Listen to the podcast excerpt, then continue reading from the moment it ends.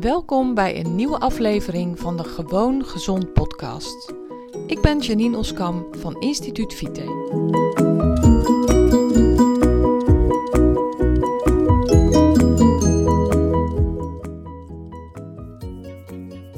Hey, leuk dat je luistert naar een nieuwe aflevering van mijn podcast. Ik had net een heel interessant gesprek, waar ik dan zelf ook weer van leer en dat wil ik even met je delen. Ik had een gesprek met een klant van mij die al een eh, behoorlijke tijd bezig is om, uh, om te veranderen, om haar gezondheid te verbeteren. En dat lukt hartstikke goed. Zij is daar heel erg blij mee. En ik vertelde haar ook, eigenlijk ben jij een voorbeeldklant voor mij. Want uh, haar leven is echt enorm veranderd, enorm verbeterd. Haar klachten zijn heel erg verminderd. En uh, zij heeft ook bepaalde keuzes gemaakt die ervoor hebben gezorgd dat haar leven veel meer is geworden uh, zoals dat bij haar past. Dus zij is echt werkelijk veel meer geworden wie ze eigenlijk is.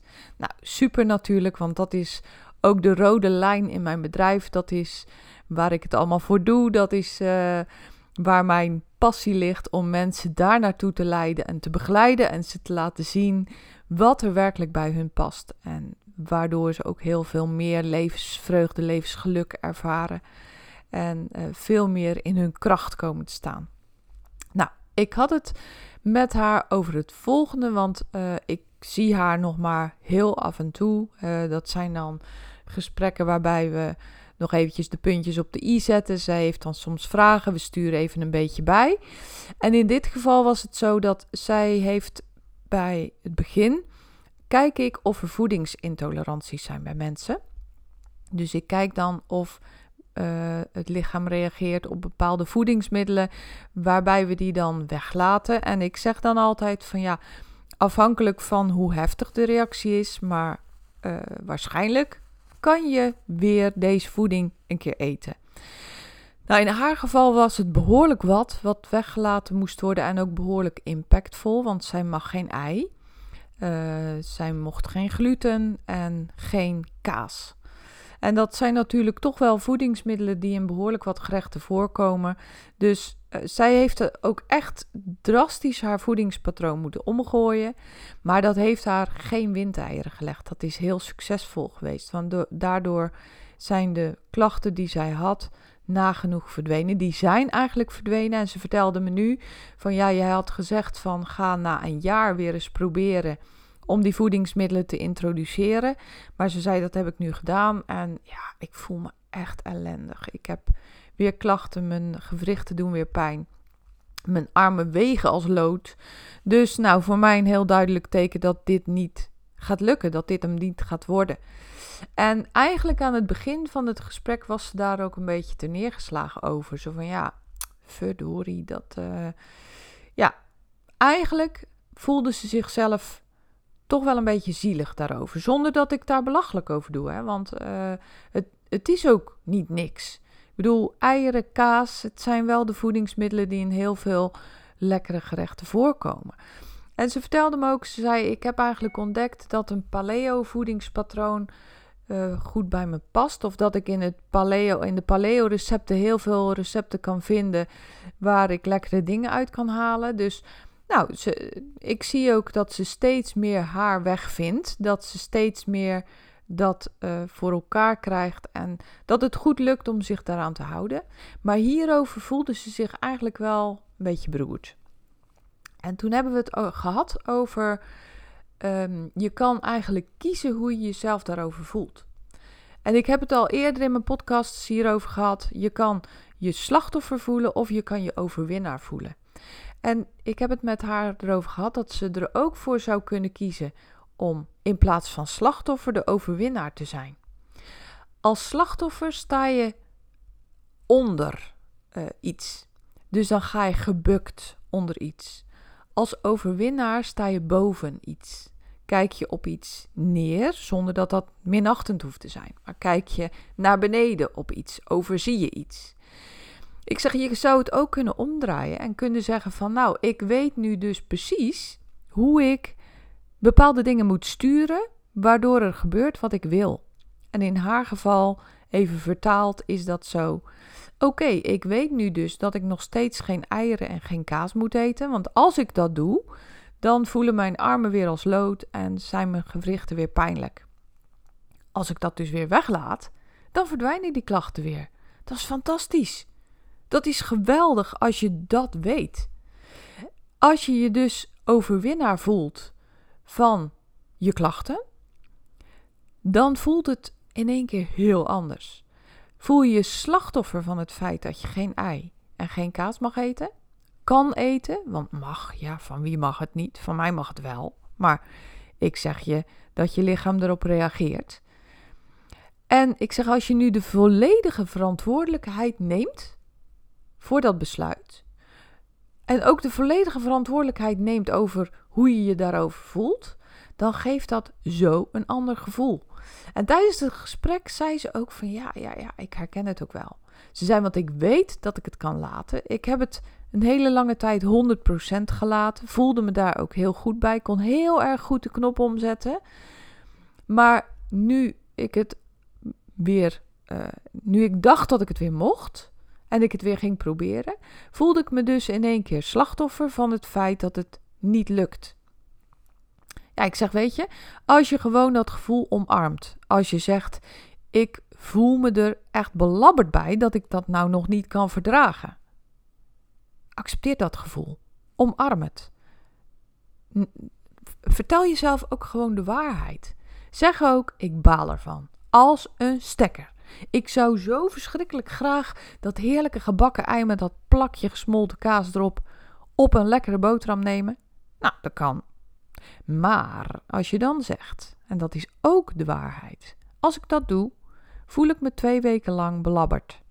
Ik voel me twee dagen super belabberd, daarna iets minder belabberd en zo ebt het langzaam weer mijn lichaam uit. Ik zeg, als je dat tegen jezelf zegt, zeg je 100% de waarheid. je, voelt, je baalt ervan dat het niet mag, dat het niet kan. Maar je weet, nee, niet maar. Je weet dat als je doet, voel je je belabberd. Dat is allemaal 100% waarheid. En dan zeg je ook nog een keer tegen jezelf: en waar kies ik nu voor? Kies ik ervoor om het te eten? Oké, dat kan. Voel ik me dus daarna belabberd. Kies ik ervoor om het niet te eten? Dan voel ik me goed. Ik zeg: jij hebt de leiding. Jij bent de baas over jouw leven. Kom op, pak het beet. Accepteer het en doe ermee wat je krachtig maakt. Het gaf haar een ander inzicht. Het gaf haar een ander perspectief. En ik, eh, we hebben het ook nog even gehad over bijvoorbeeld een nierpatiënt die aan de dialyse zit. Die mag niet veel drinken, omdat zijn lichaam, zijn of haar lichaam, dat gewoon niet aan kan. Ik zeg, die zal dat ook ja, nou ja, nee, je moet helemaal niks. Want je kan ook slachtoffer voelen. Een hele dag door. Maar dat maakt je zoveel minder krachtig dan wanneer je de overwinnaar voelt. Dat je dus voelt: oké, als ik dit doe, dan heeft mijn leven veel meer kwaliteit. Nou, nu is een nierpatiënt natuurlijk een, ja, een beetje zwart-wit vergelijking. Want dat is een hele ernstige aandoening waarbij je uh, waarbij de gevolgen heel erg groot zijn als je je niet houdt aan de voorschriften. Nou, ik zeg, bij jou zijn eigenlijk de gevolgen ook heel erg groot. Toen, toen had, kregen we het ook nog over iets anders. En dat is dat er heel veel mensen, en dat herken ik, tegen je zeggen: Ah, joh, maar voor een keertje. Nou, ik zeg, als je die mensen duidelijk maakt dat ook als je voor een keertje een ei neemt of voor een keertje een stukje kaas, dat jij daar nog dagenlang, zo niet wekenlang, de consequenties van volg hebt. Ik zeg, durf daar ook eerlijk over te zijn. Wees daar open over. Kom op voor jezelf. Want mensen zien het niet aan je. Ja, maar je ziet er goed uit. Wauw, wat zie jij er goed uit? Ja, dat klopt. Dat komt dus omdat je dit zo doet. Omdat je dit volgt, omdat je luistert naar je lijf. Jij bent als een bezetene gaan luisteren naar je lijf. Dus de consequentie is dat je er zo goed uitziet. De consequentie is dat je je ideale gewicht hebt bereikt. de consequentie is dat je al je klachten uh, achter je hebt gelaten. Als je je daaraan houdt. Vertel het die mensen gewoon. Vertel het op een krachtige manier. Wees overtuigd van jezelf. Wat een ander ervan vindt, vindt hij er maar van. Maar jij spreekt de waarheid. Jij weet wat voor jouzelf het beste is. Ja, ze zijn want heel vaak zeggen mensen: ah ja, toe, een keertje. Ik zeg maar, dat zeggen ze toch ook niet tegen die nierpatiënt? Die, ze, daar zeggen ze toch ook niet tegen, ah joh, een keertje een liter water, wat maakt het uit? Nee, want daar weet iedereen van dat het serieus zo is. Maak jouw uh, geval ook serieus.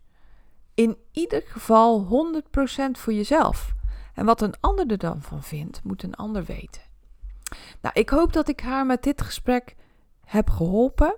En oh ja, een ander bijkomend inzicht voor mij was: zij zei ja, ik merk dat ik het eigenlijk beter 100% kan laten dan dat ik af en toe een stukje kaas mag. Ze zei, daar heb ik veel meer moeite mee. Als ik met mezelf afspreek in het weekend mag ik een stukje kaas, bijvoorbeeld. Of dat dan een verstandige keuze is, is een tweede. Maar als ik dat met mezelf afspreek, ze zei, ik merk dan dat mijn weekend verschuift van woensdag tot en met zondag. dus eerst is dat weekend de zaterdag en de zondag. Dan denk ik, maar vrijdag hoort eigenlijk ook, vrijdagavond hoort ook al bij het weekend. Ze zijn dat verschuift uh, het wordt dan ook donderdagavond al weekend. En op den duur is ook de woensdagavond al weekend, weet je wel? Ik zeg ja, ja ik, ik snap wat je bedoelt. Ik zeg nou, wat goed dat je voor jezelf hebt uitgevonden dat bij jou die 100% knop veel beter werkt. Die 100% knop is voor de een de oplossing en voor de ander werkt de 80-20 regel. Voor mij werkt bijvoorbeeld heel goed die 80-20 regel. En ik merk dat sinds ik me dat, uh, daarvan bewust ben geworden, dat dat kan verschillen voor mensen, uh, zie ik het ook om me heen. Er zijn mensen waar de 80-20 regel bij werkt. En bij haar was, is het dus zo, dat vertelde ze me, dat ze zei, ja Janine, weet je, die 80-20 regel werkt bij mij niet. Ik kan veel beter de knop omzetten en zeggen, ik mag het niet of ik neem het niet. En dat voor langere tijd, dan dat ik die uh, 80-20 regel hanteer. Was voor mij ook weer een inzicht. Want eigenlijk heel stiekem betrap ik mezelf er dus op dat ik denk dat dat toch voor iedereen het beste is. Maar dat is dus niet zo. Nou, voor mij ook weer een leermoment. Vind ik altijd super fijn. Want dan denk ik, kijk, dit is toch weer een bewijs dat het niet zo is zoals je altijd denkt. En uh, nou, buiten dat denk ik echt, ben ik echt niet iemand die denkt dat ik alwetend ben. Echt niet. Maar ja, ik betrap mezelf er dan toch weer op dat ik daar een beetje verbaasd van ben. Dat ik denk, oké, nou ja, oké. Maar goed dus voor mij om te weten en nog beter voor haar om te weten. Hè? Want zij is dus echt zo'n voorbeeld van iemand die super knap heeft leren luisteren naar haar lijf. Ook nog eens in de werksfeer hele grote stappen heeft gezet ook nog eens in de privésfeer hele grote stappen heeft gezet. Ze is dingen gaan doen waar ze blij van wordt.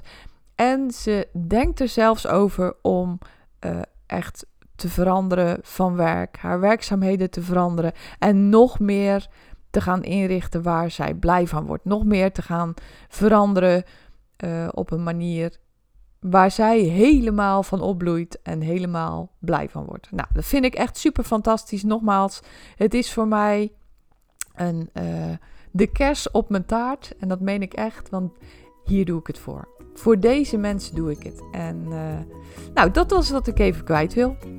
Ik wens je een heel fijn weekend. Nou ja, misschien als je dit luistert is het helemaal geen weekend. Maar het is toevallig vrijdag. Dus voor mij is het uh, bijna weekend. Ik wens je een hele fijne dag. Dat kan ik veel beter zeggen. En heel graag tot een volgende keer.